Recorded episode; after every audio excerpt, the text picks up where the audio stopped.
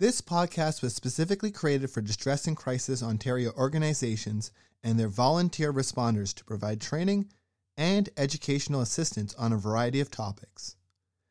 As information evolves and changes, these podcasts are meant to offer ongoing support with the goal of updating them on an ongoing basis. We thank the volunteer responders and the contributors to this podcast. Please visit our website, dcontario.org, for more information and how to access free mental health services. Thank you.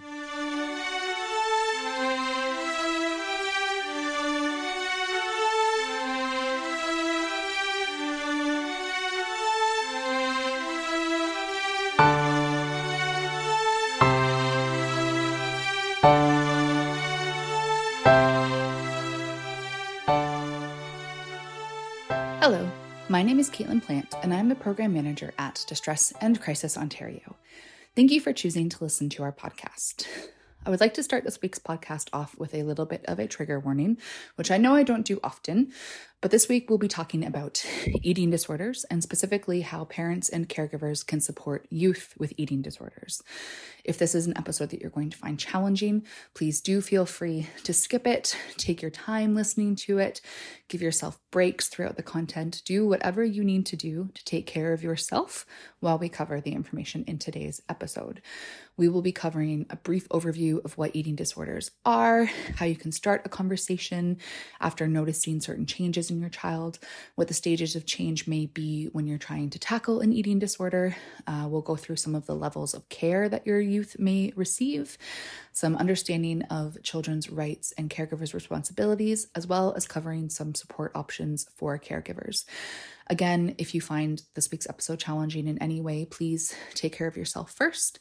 And if it's not one that you can listen to for your own mental health and well being, please know that that is absolutely okay. The information in today's podcast comes from the National Eating Disorder Information Center and the guide they have compiled called A Parents and Caregivers Guide to Supporting Youth with Eating Disorders. The entire resource can be found online at NEDIC, that's N E D I C dot C A.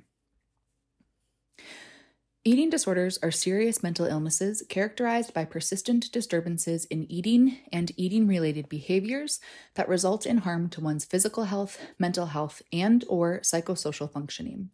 There is no singular cause of an eating disorder. The development of an eating disorder cannot be attributed to a specific person, event, or gene. Eating disorders are complex illnesses that are best understood as the outcome of the interaction of multiple biological, psychological, and sociocultural factors. Risk factors include genetic vulnerability or family history, body dissatisfaction, low self esteem, perfectionism, predisposition to experiencing negative emotions, dieting, and being stigmatized due to one's weight. Here are some very basic definitions of the most common eating disorders. Anorexia nervosa. This is characterized by persistent behaviors, for example, restrictive eating, overexercising, diet pill misuse, and or vomiting, driven by an intense fear of gaining weight or being fat that interfere with maintaining one's biologically appropriate body weight. Bulimia nervosa. This is characterized by recurring episodes of binge eating followed by behaviors which may include self-induced vomiting, laxative use, and or exercise intended to purge the body of the food consumed or compensate for food eaten and prevent weight gain. Self-evaluation is connected excessively to one's weight and shape. Binge eating disorder. Binge eating disorder is characterized by recurring episodes of binge eating that cause a great deal of distress. However, binge eating is not routinely followed by compensatory behaviors. Avoidant restrictive food intake disorder, or ARFID. This is characterized by inadequate food intake that interferes with growth and development, results in nutritional deficiencies, and or negatively impacts psychosocial functioning. An individual with ARFID may be averse to certain characteristics, for example, flavors, textures, or colors, be fearful of eating after having a distressing experience involving food, for example, becoming physically ill after eating, or lack interest in eating. Food avoidance is not related to overvaluation of body weight or shape or disturbances in the way body weight or shape are perceived. Other specified feeding and eating disorders, or OSFED. These are characterized by behavioral patterns that do not fit the criteria for the diagnoses listed above, but still compromise health and functioning. So, you may have noticed numerous changes in your child or youth that is in your care that has caused you to be concerned.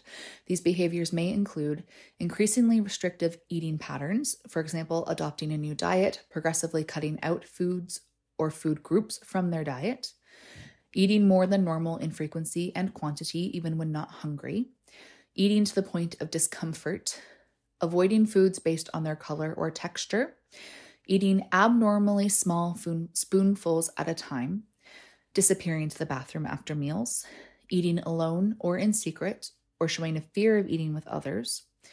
When upset, food is one of the only things that comforts them. Increased irritability, emotional dysregulation, new or increased interest in grocery shopping, cooking for others, cooking or weight loss shows, diet books, etc. Highly intense and ritualistic exercise routines, opting for clothing that is either more concealing or revealing of their body shape or size, and a loss of interest in hobbies, friends, old favorite foods, etc. Some physical changes to look out for include abnormal weight gain or loss, lack of growth in height, feeling cold all the time, frequent stomach aches or gastrointestinal issues, if they are frequently fatigued, changes in sleep patterns, whether that means sleeping a lot more or less, dizzy spells, brittle nails, constant dry mouth or bad breath, and menstrual irregularities. So, this is either a loss of periods or absence of expected periods. So, how can you start the conversation and understand what's going on for your child? These are some things that may be at the basis of why your child is experiencing an eating disorder. Fear. Your child may be fearful of eating because they are afraid that it will lead to weight gain or that certain foods will result in becoming ill, choking, or vomiting. They may be scared of losing control over what they eat or being judged by you or their peers. They may not want to disclose that they are struggling because they may be afraid of burdening or upsetting you. Anxiety. It is common for people with eating disorders to experience high levels of anxiety, not just around food, but in general. Depending on their eating disorder, they may find that restricting, exercising, and or purging reduces their anxiety or that eating is soothing. Shame. Your child may not welcome your concern when you first approach them and may even react with anger or denial. Shame and ambivalence about the eating disorder and about recovery are common. Eating disorders are often stigmatized, which can influence your child's behaviors. Finally, beliefs. Your child may believe that their body is flawed, that this is connected to other problems in their life, and that controlling their body size or losing weight will solve those problems. They may have internalized societal messages that promote the belief that only certain types of bodies are beautiful and worthy. They may have misconceptions about food and different kinds of food. For example, fats, carbohydrates, sugars are bad. Or about certain eating practices. For example, that it is sensible to, quote, trick their body into sensing it has gotten enough food when it hasn't. Now let's talk about opening the door for conversation. Firstly, demonstrate empathy. Use phrases like, I understand how upsetting this experience is for you, or I can appreciate that you don't want to talk about your difficulties, but I care about you too much to drop the subject. How can I make it easier for you to talk about what's going on? Seek to understand with questions like, How would you describe what you're going through? Assure your commitment through statements like, recovery can be a long and tough process, but I'm here for you every step of the way. Be clear and explicit, using phrases like, I've noticed you seem to be avoiding a lot of foods lately, even your favorite foods, and I'm concerned that you may not be eating enough for your body to work well and grow as it should. I would like for us to see a doctor together. Or, you seem to be having trouble with knowing how much food is enough for you. I've noticed you sometimes eat hardly anything, and other times you eat more than usual. You seem unhappy. I think we need some guidance, and I'd like for us to see a specialist this week. In any decision to change, there are phases a person goes through to process their thoughts before they take action. It is important to realize that your child could be in any one of these stages, and the process is not linear. These stages and the appropriate actions on your part will vary based on the age and current mindset of your child. Pre contemplation. There's no intention of seeking help for their problematic eating behaviors or thoughts, often because they are unaware that their behavior or thoughts are problematic or unaware of the potential consequences. Contemplation. There is recognition that there's a problem, but ambivalence around the need to change. They begin to gain more awareness of the pros and cons of their current situation and of changing. Determination and preparation. They believe that change will be beneficial and are preparing to take action in the foreseeable future. They are planning some specific steps, for example, calling a helpline for information about eating disorder treatment. Action. They have recently taken action and have the intention to maintain their behavior changes, for example, enrollment in a treatment program, and they are working towards recovery. Lapses and relapses. Neither lapses nor relapses signal a return all the way back to the pre contemplation stage. Lapses are single episodes of eating disorder symptoms, which are part of the recovery process, but it is important to take them seriously and to bring back more support for whatever time is needed. Relapses, the return of disordered patterns, are also common experiences. Both lapses and relapses can play a part in a person learning about what works and doesn't work for them. It's important to check in with them after major emotional events, for example, going to a new school, parent conflict or divorce, losing a friend or breaking up with a romantic partner, being bullied or assaulted, doing poorly on exams, getting or losing a job, being in a new living environment, etc., to make sure they are coping in a healthy way. If you do notice the reemergence of eating disorder signs or symptoms, act as quickly as possible. Early intervention promotes recovery. Finally, the last stage of change is maintenance. Change has been sustained, and the intention to maintain these positive behaviors is present. Recovery will be a lifelong and evolving process. Give your child an age appropriate amount of autonomy. Depending on the nature of your child's eating disorder, periodic weight checks may be appropriate. Continue always with emotional check ins. There's a pretty good chance that your child will insist that nothing is wrong. So, what are your treatment options if this is the case? This resistance will typically be in the pre contemplation stage. It is important to note that none of these options are meant to come across as threatening or punitive, nor do any of these options have guaranteed outcomes.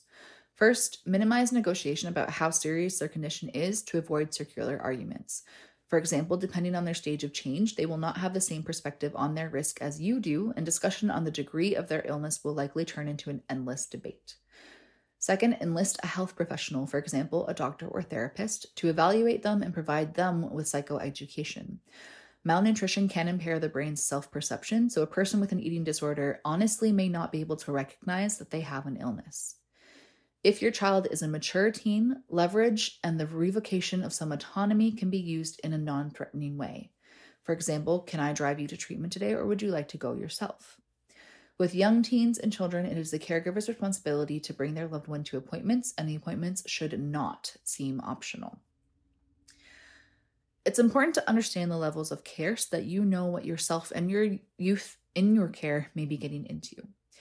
So, some of the different forms of care include outpatient care. Children who are medically stable may be treated on an outpatient basis. This means attending maybe weekly therapy appointments. Most families with professional help are able to restore their children's health at this level of care. The recommended first line treatment for youth with eating disorders is an outpatient approach known as Maudsley slash family based therapy. Inpatient care. Children who are experiencing or are at high risk of medical complications need to be hospitalized so they can receive 24 hour care. They may be placed in a general hospital setting for medical stabilization or, where available, in a specialized eating disorder unit.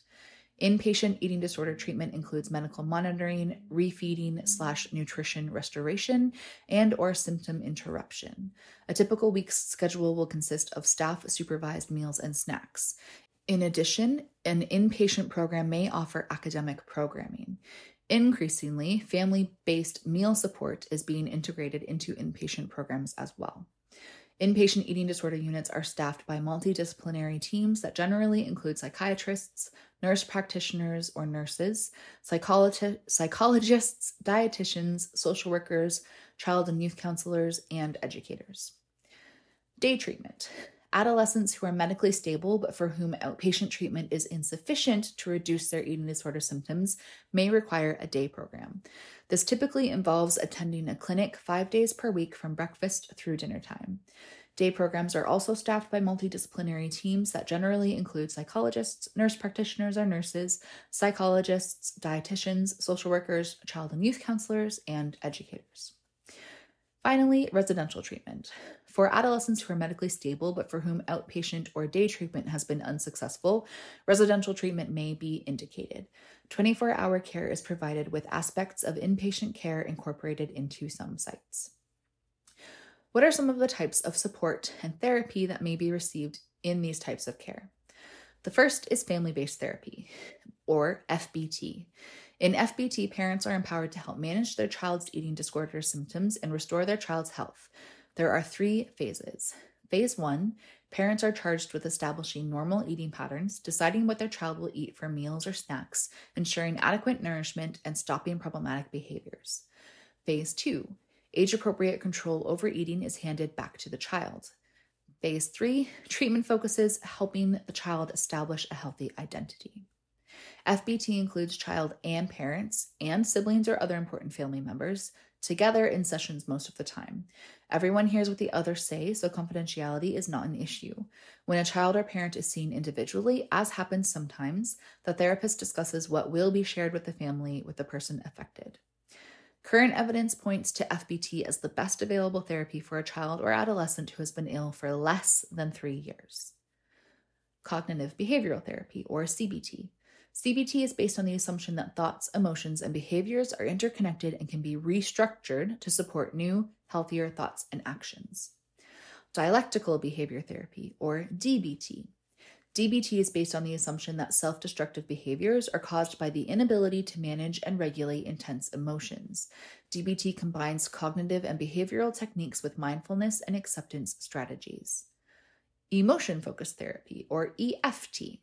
In EFT, individuals learn how to manage their maladaptive emotions as opposed to controlling what they eat as an outlet for the emotions. Finally, peer support group. Group members are all going through similar struggles and come together to support and empower each other. Here are some questions to ask your doctor when seeking support for a child or youth in your life. Because there is very little training about eating disorders in the medical curriculum, your family doctor or pediatrician may or may not have expertise in eating disorders. Parents are usually the first to notice changes in their children, so take confidence in your own knowledge of your child. Ask for an appointment that will give you adequate adequate time to discuss your concerns. Be specific with the doctor about the changes you have noticed and ask to speak with them alone and together with your child. The doctor may also want to speak with your child alone. Tell the doctor why you think an eating disorder may be developing and that you understand that early identification is critical to recovery. If the doctor is familiar with eating disorders, they will take your concerns seriously and will check your child's weight, height, and blood pressure, heart rate, lying, and then standing. They might compare the current weight with earlier weights on a standard growth curve chart to see if your child is growing appropriately. They might ask your child about other issues like sleeping disturbances, stomach aches, friends, bullying, schoolwork, self harm, and so on. If your doctor asks none of these things, you can respectfully ask I've done some research and obtained some eating disorder assessment guidelines. Would you be willing to take a look at them? It may seem that to you that I'm overreacting, but I won't be able to rest until I know that we've checked this out thoroughly. I believe there is some medical work to be done. When can we do this? We need a referral to a specialist with eating disorder experience. Who do you recommend? Or we need a referral to an eating disorders treatment program. I have the papers here and would like you to fill them out. Forms are usually available online or from the program's intake office. Now we're going to cover some brief information on children's rights and caregivers' responsibilities. Eating disorders are serious mental illnesses with potentially grave consequences. Children and teens will not accurately estimate the risk that an eating disorder poses to their health. As such, it is up to parents to see that their child is supported to recovery. The treatment approach most strongly supported by research evidence is family based therapy, in which parents take responsibility for managing the eating disorder symptoms if you have a 16 year old who's been up most of the night studying for an exam, and then later in the day their older sibling offers to take them for a driving lesson, you have a responsibility to assess whether your 16 year old can be allowed to accept. Technically, they have the right to make their own decisions at that age, but in this situation, if they accepted the offer, you would likely overrule their decision in order to protect them from the potential danger of driving while inadequately rested. Similarly, you could overrule your child's decision to forego seeking professional help if their health is at risk. At later stages of eating disorder treatment, when symptoms are well managed, individual therapy may be recommended for your child following family based therapy. These therapy sessions are confidential, and parents are not informed of the content unless there are specific reasons for doing so. For example, suicidal impulses or reoccurrence of eating symptoms. Again, the need to talk over something with parents would be discussed first with the young person. Once your child turns 18 or shortly before that, they will not be eligible for treatment in publicly funded child and adolescent programs and will have to seek support in adult settings. Currently, most of these programs do not provide a gradual transition to typical adult treatment, and your 18 year old will be expected to adapt to the requirements of adult programs. This is changing as programs for transition age youth, generally people aged 18 to 24, are being developed. In these programs, parents are recognized as having a valuable role in supporting their child, although that role is determined collaboratively with the youth. Some transition age youth may initially choose not to involve their parents in their treatment. If your 18 year old is living with you and has suicidal intentions or impulses, or they have not eaten for too long, you can take them to the emergency department of a hospital where they will be assessed for safety or medical stability and may be admitted. Finally, let's cover some support for caregivers. Firstly, educate yourself. Seek credible information about eating disorders and learn as much as you can, like you're doing right now. The more you know, the better you can support your child. Take care of yourself. There is a long and challenging road to recovery. Just as your child may need help, you may need support during the journey. Don't hesitate to seek professional help and or peer support for yourself and the entire family if needed. Take time to practice regular self-care. Recognize that you cannot make your child get better. You can only help with the recovery process. Do not take on the role of a therapist. As best as you can, separate the issue from the person.